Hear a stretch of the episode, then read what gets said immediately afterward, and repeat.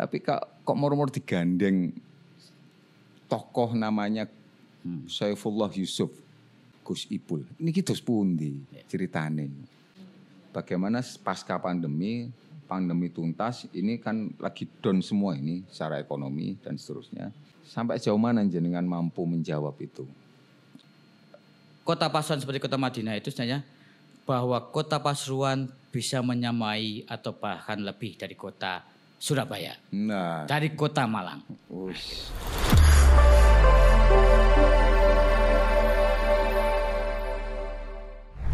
Assalamualaikum warahmatullahi wabarakatuh. Eh, Polo Warmo kembali lagi di jagongan santai eh, di podcast Warta Bromo.tv. Eh, kita beberapa hari terakhir sudah ubyek. ubyek ya opo. Eh, Kota Pasuruan bakal punya gawe di tahun ini di tanggal 2000 eh 9 Desember 2020 itu akan ada coblosan eh, wali kota dan wakil wali kota. Nah, serangkaian proses tahapan sudah dilakukan. Terakhir terkini itu adalah proses pendaftaran. Nah, kebetulan eh, kita ingin tahu sampai jauh mana ini ke, kalau ada empat orang ini, iki punggawa kabeh iki. Ada kalau yang daftar pertama itu Pak Teno dan Pak siapa? Pak Asim Asari, terus ada Gus Ipul dengan Pak Adi Wibowo. Nah, kebetulan ini lagi. Nama terakhir iki kok dilala mendayo ke Warta Bromo. Lah ini Assalamualaikum Pak Adi atau Mas Adi? Mas Adi Oh. Mas Adi. Ben Oh, iya. ketok enom lah. Ben kok- Oh, sama, sama nama tua saja. Iya iya iya iya. iya. Iya, Mas Adi Wibowo Polowarmo mungkin bisa dilihat ini jemblegere kok ngene iki ganteng ngombe ireng apa ya apa silakan nilai. Iya. Ini menarik eh, Mas Adi karena jenengan tiba-tiba mak bejunduk berpasangan dengan Gus Ipul. Oke, itu lepas dulu lah ya. Sebenarnya kita pengen tahu jenengan ini sinten gitu kan. Adi Wibowo, iya. Tapi jenengan ini sebenarnya siapa sih gitu? Kita pengen tahu ini. Oh, oke. Nah, terus kira-kira eh, apa? Selama ini kehidupan jenengan ini ini kan dengan kondisi santai. Ini kita semua yakin dengan terus mendaftarnya akan sibuk. Hobi jenengan mungkin akhirnya terbengkalai segala macam itu akhirnya yang biasa melaku pagi akhirnya bisa jadi melayu pagi kan. Bisa jadi berubah dan seterusnya bagaimana ini Oh ya. Tadi kan salam ya. Waalaikumsalam warahmatullahi wabarakatuh. Waalaikumsalam Terima kasih teman-teman Marmo, Mas Tuji. Iya. Sebenarnya nggak mak bertunduk sebenarnya. oh kamu betul Karena by proses. Semuanya by proses. Kita juga kalau melihat proses politik di Kota Pasuruan, saya sebenarnya juga bukan baru di Kota Pasuruan. oh dalam pergemuran politik di utamanya tapal kuda. hmm. Karena memang pada konteks mulai 2014 saya sebenarnya sudah sering belusukan, oh sering mudun ning Pasuruan Iya. karena waktu itu memang saya sebagai bagian dari salah satu staf ahli anggota DPR RI yang Oh. dari Dapil Pasuruan Probolinggo. jadi kenal betul akhirnya Boleh dikatakan begitu. oh Lima tahun saya belusukan, berinteraksi dengan konstituen, tentu dengan dinamika sosial, ekonomi, politik yang ada, itu secara tidak langsung terekam dan saya ikut masuk di dalam dinamika itu sendiri. oh Gitu. Sehingga istilahnya sebenarnya nggak med- nggak medunduk, Nggak medunduk, tapi ya. mentu- mencunguli alon-alon. oh Nah. alon-alon. lah berarti wis biasa ninggal anak istri ini akhirnya ngapunten oh biasa ya pengabdian soalnya ya. Iya. Wis biasa Mas, karena Oh. memang sejak awal kita pendekatan dulu. Ya. Kita kebetulan punya latar belakang yang sama. Oh gitu. Umumnya nek wong biyen pacaran sering ketemu, kita ketemu, jarang, Mas. Oh di sini. Jadi begitu itu kita is- is biasa. Biasa. Sudah biasa. Jarang ketemu itu sudah biasa. Oh. Justru indahnya di situ. Indahnya di ketika, situ. ketika jarang ketemu, begitu ketemu itu quality Nah. time. Wah. Nah, itu Ya, dia. Gitu. Jadi lek BR atau anu nih. Nah, luwih nendang. Nah. Nah, itu dia. Luar biasa ini Mas Adi Wibowo. Jadi itu tadi eh, bagaimana semangat juang pengabdian ini coba dikukuhkan ini Mas Adi. Kita ulik tadi kan keluarga biasa ditinggal, tapi ternyata juga didukung. Kalau jadi artinya didukung oleh keluarga gitu, aktivitas selama ini gitu. Alhamdulillah. Hmm, Jadi eh, energi utama itu kan memang dari keluarga. dari keluarga leres. Kalau tidak didukung oleh keluarga sampean metu ae ditakoki terus diteleponi pasti bingung kan. Nah, iya. Kapan iya. mulai? Wah, Kapan? bingung kan. Iya iya iya.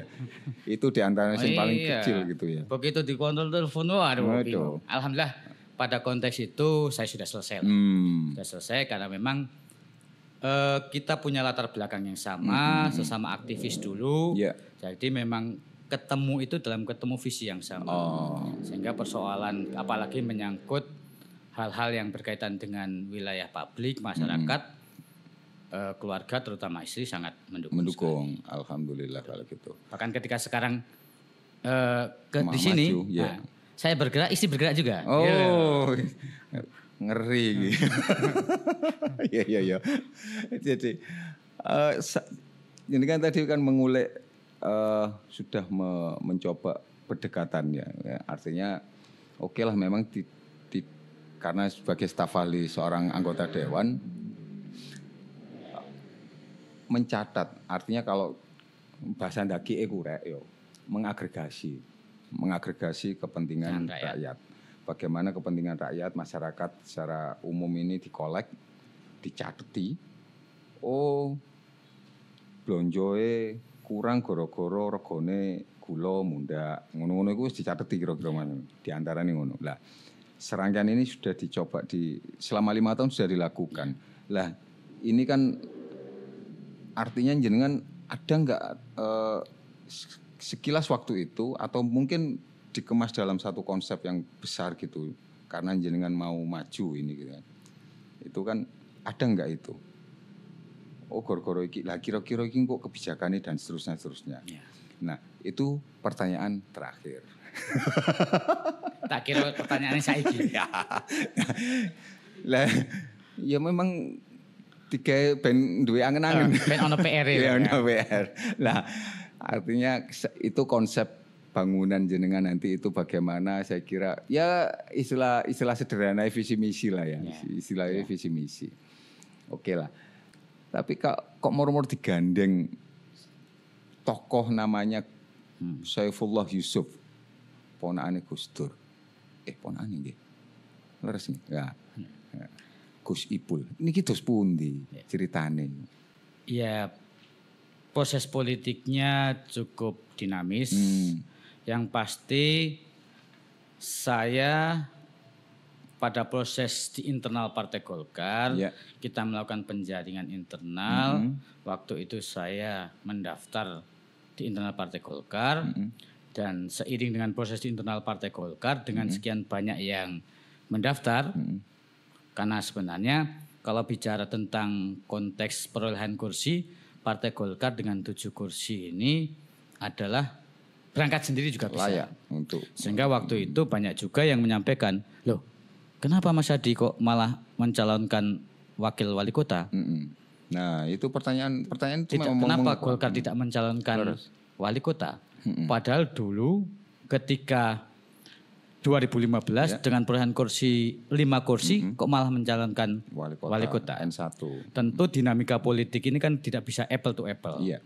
Situasi politik, kondisi politik, dan hari ini bicara tentang figur-figur yang muncul di kota Pasuruan, Hmm. maka Partai Golkar sudah melakukan kajian tentunya. Hmm. Melakukan brainstorming, berbagai kajian, kita SWOT dan sebagainya. Dan waktu itu Partai Golkar, dan kebetulan saya di Dewan Pimpinan Pusat Partai Golkar adalah sebagai pengurus pemenangan pemilu Jawa Timur. Oh, Bapilu ya istilahnya. Jawa Timur Posisinya Sehingga- di mana? Di di Bapilunya? di DPP. Di PP ya? DPP. Hmm. Kita melakukan kajian secara khusus untuk konteks Kota Pasuruan sehingga memang yang memungkinkan dengan dinamika eh, politik, figur yang ada di Kota Pasuruan maka Partai Golkar memutuskan oke, Hmm.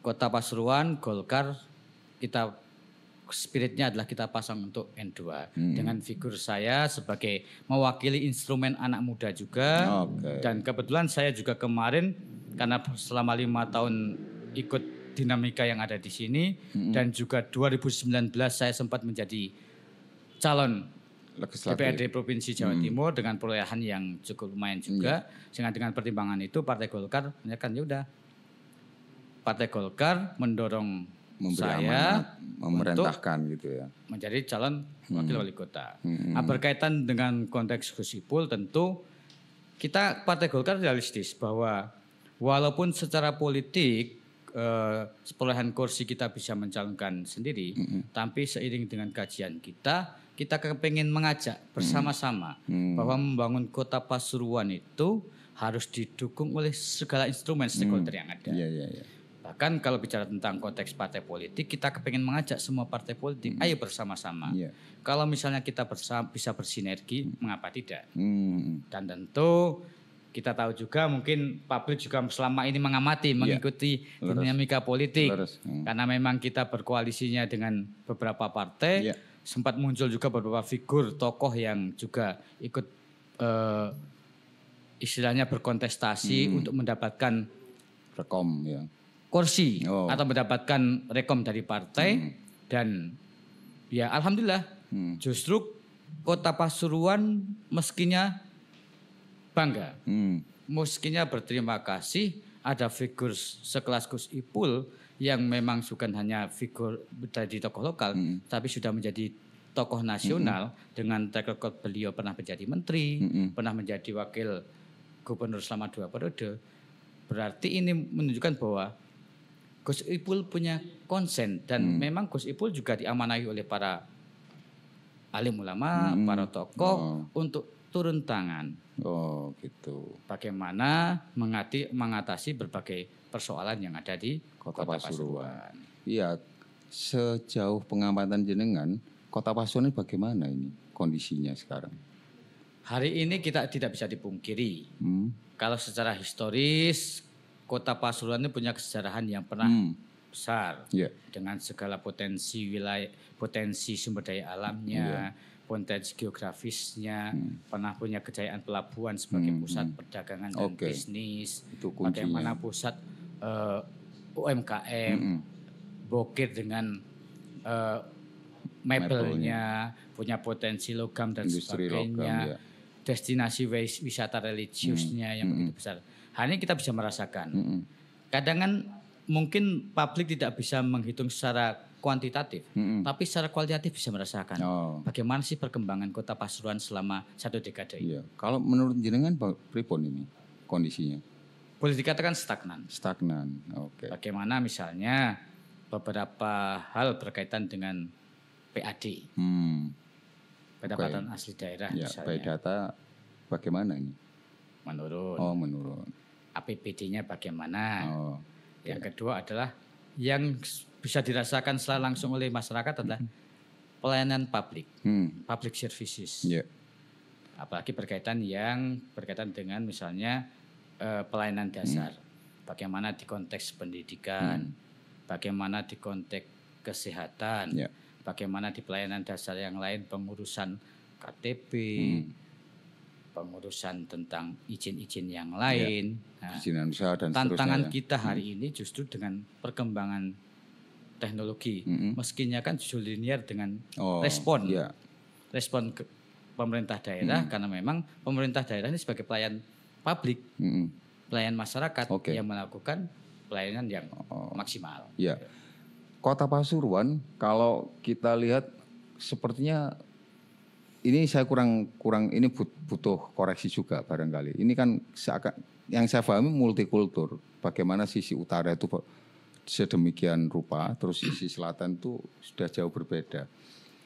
Meskipun eh, apa berdekatan gitu, kurang lebih 10 kilo atau kan gitu. Kalau di Pentang itu kan, itu masuk kota Pasuruan. Lah, terus di di mana di ada secara potensi ada industri mebel, ada industri apa eh, logam dan seterusnya. Ada nelayan, laut, pelabuhan dan seterusnya. Ini kan luar biasa kalau benar-benar difokuskan satu persatu sisi itu. Dikolek dengan eh, karakteristik masyarakat, eh, terus industri jasa di Kota Pasuruan ini ke depan bagaimana ini? Karena kalau dari sisi secara nggak langsung jenengan ketika ngomong PAD itu kaitan dengan penguatan potensi ekonomi itu kurang didorong kira-kira semacam itu. Ke depan lima tahun ke depan itu bagaimana jenengan nanti? Pembangunan itu kan harus memberikan makna. Oh, oh, serius lagi makna ya. Harus memberikan makna. Iya iya. Artinya Hmm. eh, harus mampu memberikan eh, masyarakat merasakan Hmm. bahwa pembangunan ini tidak hanya normatif karena melaksanakan mengalokasikan anggaran yang ada, Oh, tidak tapi memberikan makna bahwa masyarakat terlibat dalam konteks pembangunan itu sendiri. oh, Jadi dalam ada konteks- partisipasi. Nah, pembangunan harus partisita, partisipatif. Hmm, hmm. Dan karena ketika bicara tentang eh, pembangunan partisipatif, ini menyangkut juga bagaimana masyarakat merasa punya tanggung jawab. Ya, handar benih Ya, memiliki. jadi, karena Hmm. sense responsibility itu, rasa tanggung jawab itu tentu berawal dari sense of belonging, Hmm. dilibatkan. Dan paradigma pembangunan kita memang pasca reformasi kan sebenarnya sudah bergeser dari yang top down menjadi bottom up. Pembangunan yang partisipatif. Jadi masyarakat terlibat dalam perumusan perencanaan pembangunan sehingga mereka Melu, melu masyarakat duwe. itu rakyat tidak hanya menjadi objek pembangunan, tapi mereka menjadi subjek pembangunan, Subjek pembangunan. terlibat dalam pembangunan. Nah, dengan konteks eh, sosiologis eh, kota, Mm-mm. kota ini kan bicara tentang sosiologis kota itu memang secara sosiologis adalah heterogen, Nitrogen heterogen. justru. Beda dengan masyarakat pedesaan, Ya. komunitas misalnya pertanian. macam- Ya. Kota sangat heterogen. Mereka yang punya eh, latar belakang ada yang profesional, ada yang Hmm. eh, ASN, ada yang perdagangan, ada yang juga kalau di utara eh, nelayan. Maklar sepeda motor. Ah, artinya heterogenitas ini sebenarnya justru yang menjadi Hmm. modal sosial yang luar biasa Ya. bagi kota. Ya, benar. Apalagi misalnya secara historis kota Pasuruan itu eh, punya kekuatan sebagai kota santri. Nah, itu. Nah, Yang kota di- santri ini tidak bicara tentang hanya simbol bahwa eh, pengajian, Pengajian dan tidak sebagainya. tidak melulu itu ya. kenapa disebut kota santri? Di kota Pasuruan banyak sekali pesantren. Hmm. Dan ini menjadi institusi pen- pendidikan yang selama ini justru menjaga kota Pasuruan, penjaga moral, Iya, iya. penjaga akhlak itu justru pesantren-pesantren ini, institusi-institusi Iya, iya, pendidikan keagamaan ini. Nah ini yang sebenarnya memang menjadi salah satu core local wisdom yang harus dijadikan sebagai eh, salah satu fondasi pembangunan. Untuk Artinya gitu ya. pembangunan harus punya makna bahwa pembangunan itu tidak terjerabut dari akar kultural masyarakatnya. Itu dengar-dengar istilah ada Gusipul Madinah, Madani Nah. atau apa? Pripun itu? Kita punya eh, Disinggung dengan statement dengan masyarakat Madani.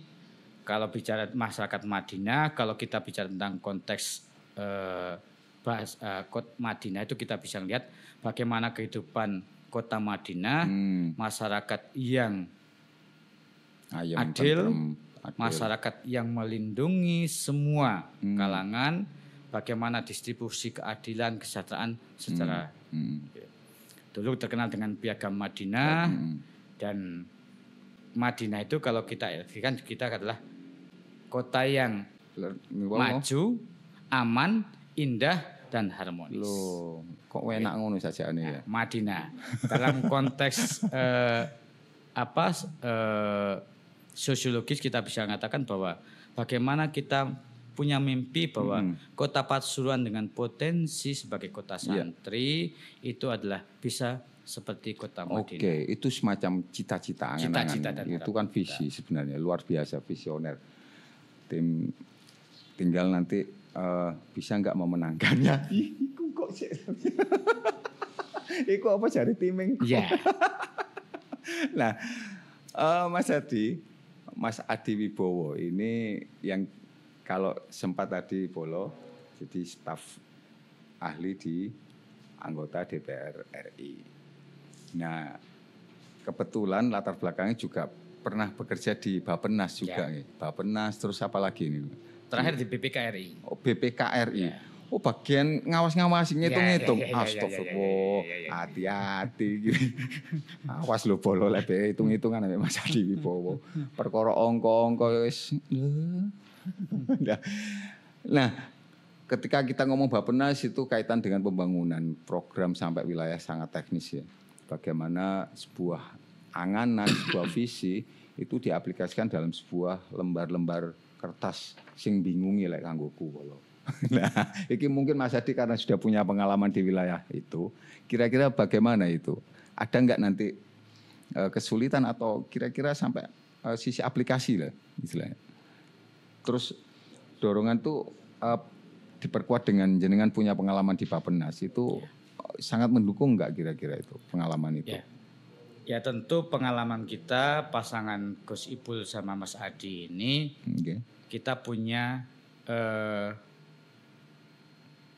pengalaman di masing-masing bidang. Hmm, hmm, Gus Ipul punya pengalaman di pemerintahan, saya Ya. sedikit banyak juga pengalaman pernah di Bapenas dalam perencanaan pembangunan dan waktu itu memang saya di Bapenas konsennya adalah di eh, apa eh, daerah tertinggal dan perbatasan Oh, sehingga tentu banyak tools-tools Iya. tentang bagaimana eh, memberdayakan masyarakat, up gitu ya. pendekatan pembangunan yang partisipatif, hmm, pendekatan pembangunan yang memang tidak top down Hmm. sehingga masyarakat Iya. tidak dianggap hanya sebagai objek pembangunan, tapi mereka menjadi subjek pembangunan. Hmm. Dan itu linear juga dengan konsepsi pembangunan sosial yaitu people centered development. Nah, Pembangunan meneh? yang berpusat pada manusia. Oh, Nah, jadi subjek pembangunan itu harus memang manusianya yang dilibatkan Oh. sehingga Hmm, melihat pembangunan itu tidak hanya dimaknai pembangunan fisik, hmm, infrastruktur, ya. bahwa itu tidak bisa dilepaskan, iya, tapi justru yang lebih bermakna adalah bagaimana membangun sumber daya manusia. Ya, itu itu dua hal Ya. setidaknya. Yang itu. kedua, Hmm. Pengalaman saya selama 10 10 tahun di DPR RI sebagai tenaga ahli, Hmm. tentu karena bersinggungan dengan bagaimana proses eh, perumusan kebijakan, Iya. pengawasan kebijakan, Hmm. dan budgeting itu juga menjadi mod- modal bagi saya bagaimana nanti pengambilan kebijakan tentang kebijakan publik. Hmm. Juga karena saya juga sering turun ke masyarakat selama ini dengan istilah ngrungokno Hmm. keluhannya masyarakat, ngrungokno Oh. eh, harapan masyarakat ini ini menjadi salah satu bahan bahwa memang kadang pembangunan itu harus sinkron Hmm. antara apa yang dalam kacamata pemerintah, Hmm. kacamata pengambil kebijakan dan harus sinkron dengan harapan masyarakat. Iya. Yang yang Kalau nggak sinkron karena sama-sama hanya dengan kacamata Hmm. sendiri kadang tidak applicable. oh gitu. Pemerintah Di- nganggap bahwa ini kebijakan itu harus A. Hmm. Bisa jadi di luar kebutuhan mereka Ah, ya. kar- ternyata ketika dioperasionalkan nggak matching Hmm. kan gitu. Nah, makanya pembangunan yang partisipatif itu penting karena Hmm. pengambilan kebijakan itu tidak hanya dari kacamata yang di atas, Ya. tapi memang karena atas data-data masukan dari masyarakat apa yang menjadi kebutuhan dasar, apa yang menjadi prioritas dan sebagainya sehingga itu menjadi rumusan kebijakan publik. Nah, Gitu. itu sudah dikolek kira-kira pengalaman itu sudah dilalui oleh Mas Adi Bolawarmo. Jadi ngurek-ngurek kepentingan, mengagregasi kepentingan rakyat. Nah, eh, kebetulan jenengan sudah mendaftar, ya. Ya. sudah mendaftar bareng-bareng nih wow tempo hari ya. Lah, wis sudah mengenalkan nggak? Eh, kilo aku gitu kan, ya wajib toh, ya. Ya, kan biasa ya. wis masa wayahe kan. Ya, ya. sampai tekan ngendi jenengan? Memang kan dengan konteks pemilihan langsung Nggih. itu keterkenalan popularitas, Popularitas. itu menjadi variabel yang sangat penting. Iya. Seberapa besar punya visi yang kuat, tapi kalau tidak dikenal, Hmm. ya tidak ini.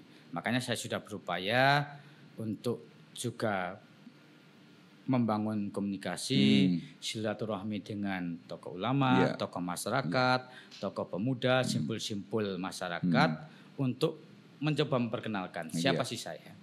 Walaupun sebenarnya ini eh, bagi sebag- sebagian masyarakat yang kemarin juga ikut berdinamika politik pada Pileg 2019 itu banyak simpul-simpul saya yang memang di bawah itu istilahnya tinggal mengkol kembali Iya. dan selama ini juga jadi masih- sudah membangun jadi sudah bergerak. Ya. ya. Yang kedua adalah mesin partai politik. Hmm. Mesin partai politik tentu menjadi instrumen yang sangat Hmm, penting hmm. Iya, iya. karena mereka juga punya struktur sampai tingkatan terbawah. Iya.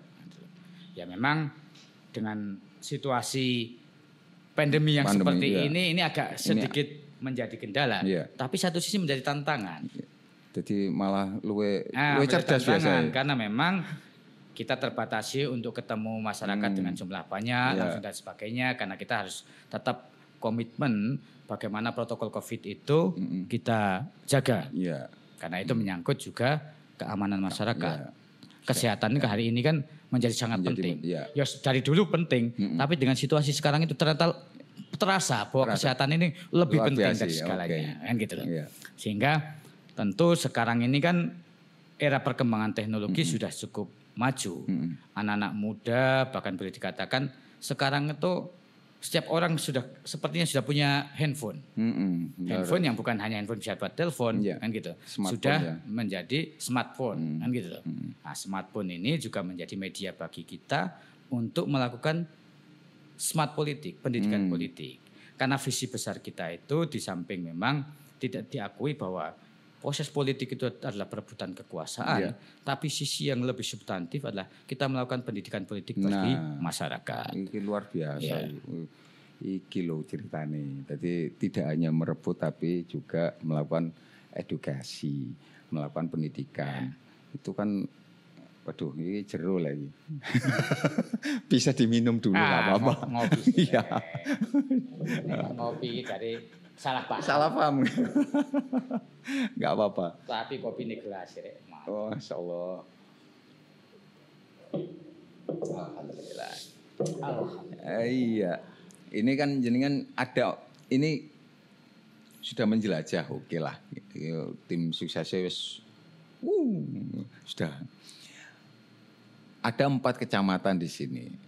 Saya tidak bilang ini kecil dan besar sebenarnya, cuman karena sebenarnya ini relatif karena hanya masalah secara kua- apa Ya. kuantitatif saja sebenarnya. Jenengan untuk mengkolek ini mungkin dari sisi tenaga dan waktu agak agak apa agak tipis ringan lah ya. Ya. Tapi pada sisi mengagregasi kepentingan itu tadi sampai ngomong kebutuhan yang mendasar yang atau men- mendesak per hari ini di antaranya eh, kalau di di kacamata kita itu beberapa diskusi sejumlah wartawan mungkin ya di redaksi Warta Promo gitu kan. Itu adalah bagaimana nanti eh, pemimpin katakan nanti siapa pun yang jadi itu dia juga mampu pasangan ini itu mampu eh, menyelesaikan menuntaskan bagaimana ngomong pasca pandemi ini kan problem serius sebenarnya. pasca pandemi ini bagaimana? Karena tetap kebutuhan masyarakat nggak boleh diabaikan juga kesehatan juga tidak boleh diabaikan. Ini masalah yang cukup pelik memang. Bagaimana pasca pandemi pandemi tuntas ini kan lagi down semua ini secara ekonomi dan seterusnya. Lagi lagi ada masalah di wilayah keuangan atau kebutuhan masalah sekolah saja itu sudah jadi perkara lah ini kan butuh kira-kira sampai jauh mana jenengan mampu menjawab itu Ya. Memang situasi sekarang itu kita dihadapkan pada situasi yang tidak gampang. Iya. Bahkan eh, pandemi ini kan tidak hanya menjadi problem bangsa kita. Hmm. Ini bisa menjadi salah satu teror baru sebenarnya. Yes. Teror baru secara internasional sehingga negara-negara maju pun sekelas Amerika macam-macam itu kabut. bergoyang kalang kabut situasi ini. Tapi memang kita harus menyiapkan exit strateginya. Hmm. Negara dan utamanya instrumen negara sampai tingkatan terbawah memang harus menyiapkan bagaimana exit strategi pasca pandemi. Pasca pandemi. Pasca pandemi. Kita nggak tahu sampai kapan pandemi ini berakhir. Hari ini kita semua lagi berupaya berikhtiar melakukan cara terbaik untuk melakukan penyelesaian Iya. bahwa pandemi ini harus segera berakhir. Karena dampak pandemi COVID ini efeknya ke mana-mana. Kalau dulu hanya lihat dari aspek kesehatan, tapi ternyata dampak yang lebih besar adalah ekonomi. Gitu. Negara dihadapkan pada eh, dilema bagaimana sebenarnya tidak menghadap-hadapkan pada persoalan apakah ini persoalan kesehatan atau persoalan ekonomi. Karena menjadi sesuatu yang integratif gitu loh. Karena akhirnya mobilitas masyarakat, aktivitas semua terbatas, dengan konteks itu. Nah, ini situasi memang yang nggak gampang sehingga memang harus ada komitmen bersama. Tentu pemerintah harus mem- mem- mampu membuat kebijakan yang itu realistis yang bisa dikeluarkan masyarakat. Kita tidak mungkin misalnya membatasi semua karena hanya alasan kesehatan, membatasi semua aktivitas. Ketika negara juga tidak bisa mengcover kebutuhan, kita realistis bagaimana misalnya alokasi anggaran yang kita miliki, maka justru nanti yang terjadi adalah kericuan sosial. Oh, tak- iya. ada terjadi iya. situasi Chaos, sosial ya. eh, yang yang tidak baik. Sehingga memang pemerintah harus bijak, negara harus bijak, pemerintah harus bijak bagaimana ruang-ruang toleransinya adalah aktivitas ekonomi tetap mampu dilaksanakan, dilaksanakan tapi ketat protokol Covid-nya. Dan ini butuh kesadaran bersama. Kesadaran itu juga tidak diba- bisa dibangun dengan tiba-tiba Iya. pemerintah dengan kebijakannya harus mengawal. Ketika ada kebijakan, ya turunannya sampai operasionalnya harus dikawal. Hmm, hmm. Protokol COVID masyarakat misalnya, daerah harus pakai kewajiban pakai masker. Ya itu harus ditegakkan dan setidaknya pemerintah memfasilitasi masker misalnya. Iya, iya, iya. Bagaimana misalnya di wilayah-wilayah untuk menjaga kebersihan, eh, siapkan hand sanitizer atau oh, cuci buat cuci tangan yang memang itu mampu menjangkau semua masyarakat. Nah kita lihat misalnya di Kota Pasuruan apakah di gang-gang masuk-masuk itu sudah tersiapkan. Di samping misalnya ada memang swadaya masyarakat, kesadaran masyarakat. Ini sudah bagus, tapi tidak cukup. Pemerintah apalagi ada alokasi anggarannya, refocusing anggaran untuk COVID ini juga harus terukur sampai di situ. Dan ini ingat, Hmm. seberapa seberapa pun kecilnya uang negara itu akan diaudit oleh BPK. Nah, itu. Wah, iki wis. Oke. Tapi tet- artinya baik itu pesan-pesan pesan-pesan khusus dari Pesan sponsor. Enggak, ini ini serius. Iya, serius, Karena iya. Memang eh, ini persoalan pertanggungjawaban publik Iya. dan semua adalah Mm-mm. hak rakyat. ya. Gitu. Ya sebenarnya oke kita melompat lagi di sisi itu kan su- ternyata sudah terjawab yang pertanyaan tadi kan. Secara nggak langsung kan sudah terjawab semua sebenarnya kan dari Jadi eh, hal mendasar mungkin karena kaitan dengan pembangunan itu ada tahapan saya kira. Tahapan ada skala prioritas gitu kan. Ini mungkin setelah jika saja jenengan ini nanti terpilih bersama Gus Ipul gandengan membangun Kuto Pasuruan apa sih yang yang sekarang lagi nyulek meripat gitu istilah nyulek meripat i- hal yang mendesak untuk disegerakan apa terus mungkin sampai lima tahun goalnya itu apa sebenarnya Ya. Yang jelas yang pertama tentu public services Hmm. yang menyangkut pelayanan dasar masyarakat, Hmm. pendidikan, Hmm. kesehatan dan ini linear juga dengan bagaimana eh, bicara tentang pendi- pendidikan ini adalah investasi jangka panjang. Jangka panjang. Human resource investment. Ya. Investasi sumber daya manusia itu adalah di tingkat pendidikan. Hmm. Dan hari ini kalau kita lihat misalnya eh, aspek pendidikan ini selama ini kan hanya masih pada sekolah-sekolah yang negeri. Oh. Harapan kita sebagai kota santri tentu nanti ada alokasi pendidikan untuk dinia, Oh. madrasah dan sebagainya sehingga masyarakat merasakan betul Iya, bagaimana terkolek semua alokasi ya. pendidikan itu dan hari ini kalau kita ini alokasi pendidik alokasi anggaran untuk pendidikan itu kan 20 persen Ya. dari anggaran Hmm.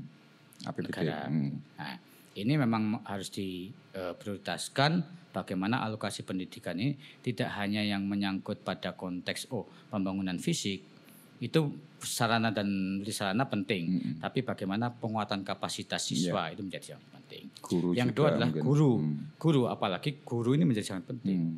Karena guru yang kapabel, yang guru yang punya integritas, Ya. tentu akan menjadi salah satu modal yang kuat bagaimana siswa juga akan kuat juga. kuat juga. Hmm. Yang kedua aspek kesehatan. Hmm. Apalagi dengan situasi pandemi ini terasa bahwa ternyata kesehatan itu menjadi sangat penting. Hmm. Masyarakat harus mampu eh, merasakan dan merasa bahwa negara itu hadir, Hmm. pemerintah daerah itu hadir di setiap lini kehidupan masyarakat, Hmm. menyangkut kesehatan utamanya. Hmm. Kadang kita terjebak pada konteks administratif sehingga Oh. misalnya orang sudah sakit mau ke rumah sakit masih ditanya ke kelengkapan ini Iya. tidak ditangani dulu. Iya. Wah, Sedang mengap. Nah, susu mengapa mengapa sih ditakoni endi KTP nih, Iya, iya, iya. sedulure ning di sopo tangani dulu dan Selamatkan nyawanya dulu. selamatkan ya. dulu dan memang itu menjadi pelayanan dasar yang menjadi tanggung jawab negara. Ya, ya, ya, ya. Oke, ya, satu hal lagi mungkin ini sampai gol nanti tadi belum kejawab sampai gol lima tahun ini kira-kira bagaimana? Ya, ini tentu, kan ya. banyak potensinya di antaranya eh, potensi ekonomi terlebih di wilayah industri dan pelabuhan misalkan ada itu sebenarnya ada bahasan khusus sebenarnya tapi ini kan kita butuh penjelasan singkat ini. Kita ini kan punya mimpi, punya harapan yang tertuang dalam visi misi, Oke. Itu visi misi, terus ada agenda prioritas Ya. dan itu juga kita sudah tuangkan nanti dalam program kerja kita. Eh, orang kan dengan jargon jargon eh, seperti kota Madinah itu kadang mimpinya kan enggak ini. Ya. Kadang praktisnya koyo apa sih saja Ya. Nah, seperti Madinah ini. Hmm. Eh, kota Pasuruan seperti kota Madinah itu sebenarnya bahwa kota Pasuruan bisa menyamai atau bahkan lebih dari kota Surabaya, nah, dari kota Malang. Us, iya, iya. ukurannya sederhana ya. Nah, bukan Nang yang yang bisa te- tetangga kita, kita lihat gitu loh. Ah, iya, iya. Nah, apa? Nah, tentu dengan potensi sumber daya alam yang kita miliki, sumber daya manusianya, kita tahu bagaimana hari ini justru di sektor perkotaan itu justru sektor jasa Mm-mm. itu menjadi sektor yang Cukup utama cukup juga. ya. utama Mm. menopang ekonomi masyarakat. Hari ini kita punya destinasi wisata religius. Ini menjadi potensi yang luar biasa.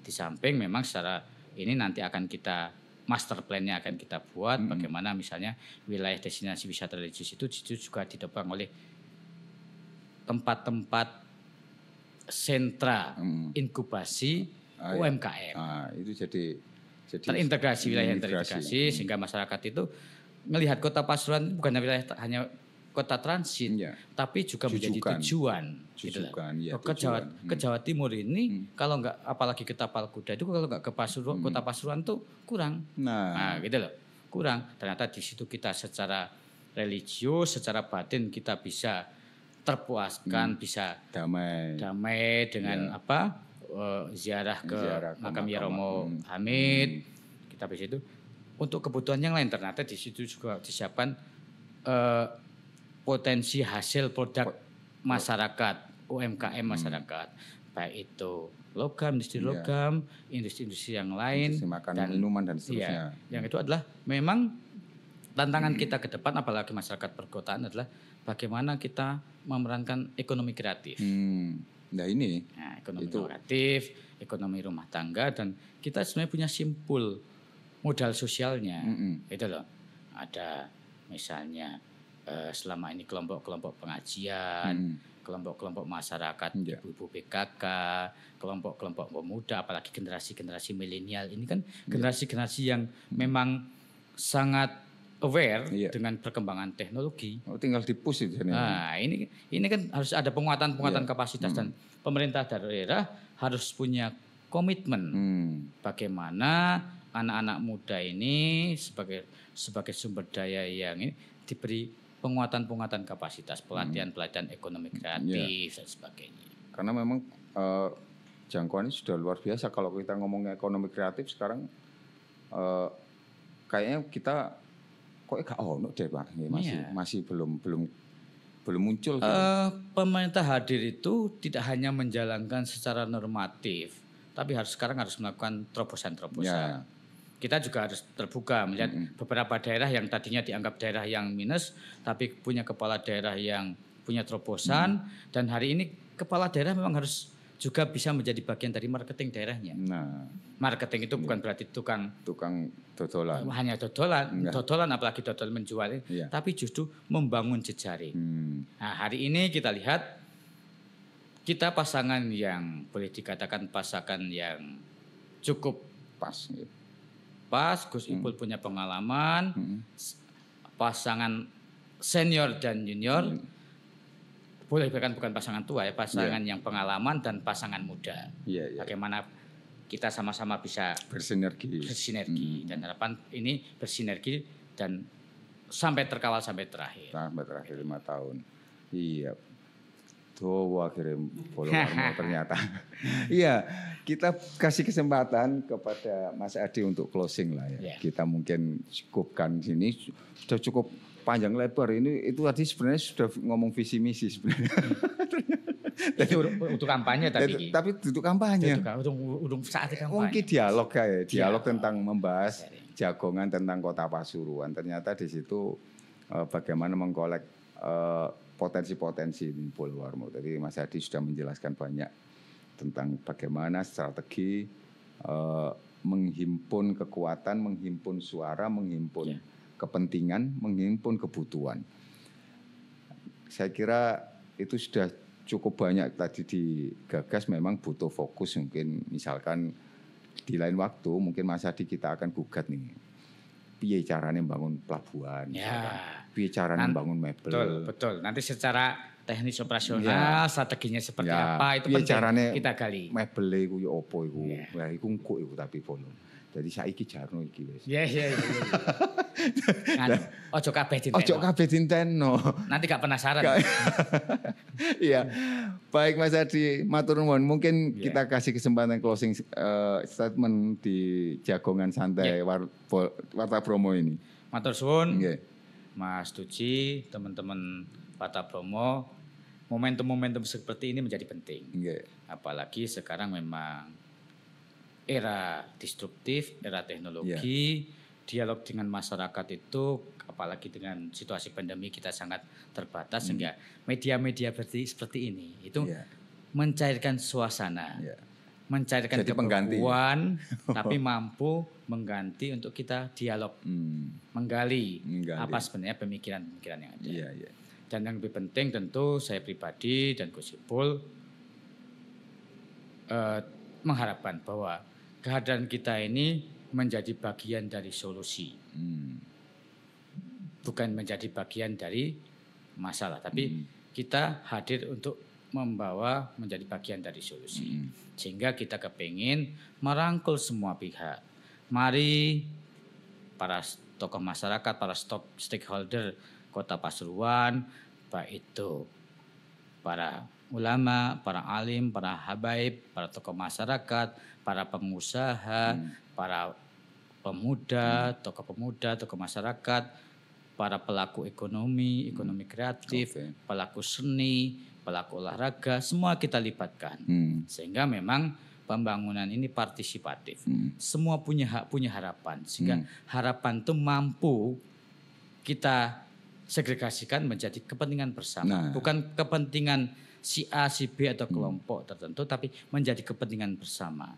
Mimpi kita menjadikan masyarakat madani ini adalah bagaimana Kota Pasuruan melindungi semuanya. Semua merasa terlibat, semua ikut merasa bertanggung jawab, semua ikut bersama-sama untuk Iya. berjuang Iya. membesarkan Kota Pasuruan. Berkeadilan juga mestinya kan. Ya. Oke. Demikian itu satu catatan saya ke Mas Hadi tadi closing ceremony-nya adalah eh sorry kok closing ceremony closing Statement. statement, itu adalah Gusipul Mas Adi bagian dari solusi. Saya kira itu saja cukup eh, dialog perbincangan jagongan kita dengan Mas Hadi. Mas Hadi, matur Matur sembah suwun, nuwun, Mas Tuji. sukses selalu. Mohon doanya. Amin. Bola Warmo, eh, salah-salah kata. Wabillahi taufiq walhidayah. Wassalamualaikum warahmatullahi wabarakatuh. Waalaikumsalam warahmatullahi wabarakatuh. Matur suwun ngapunten.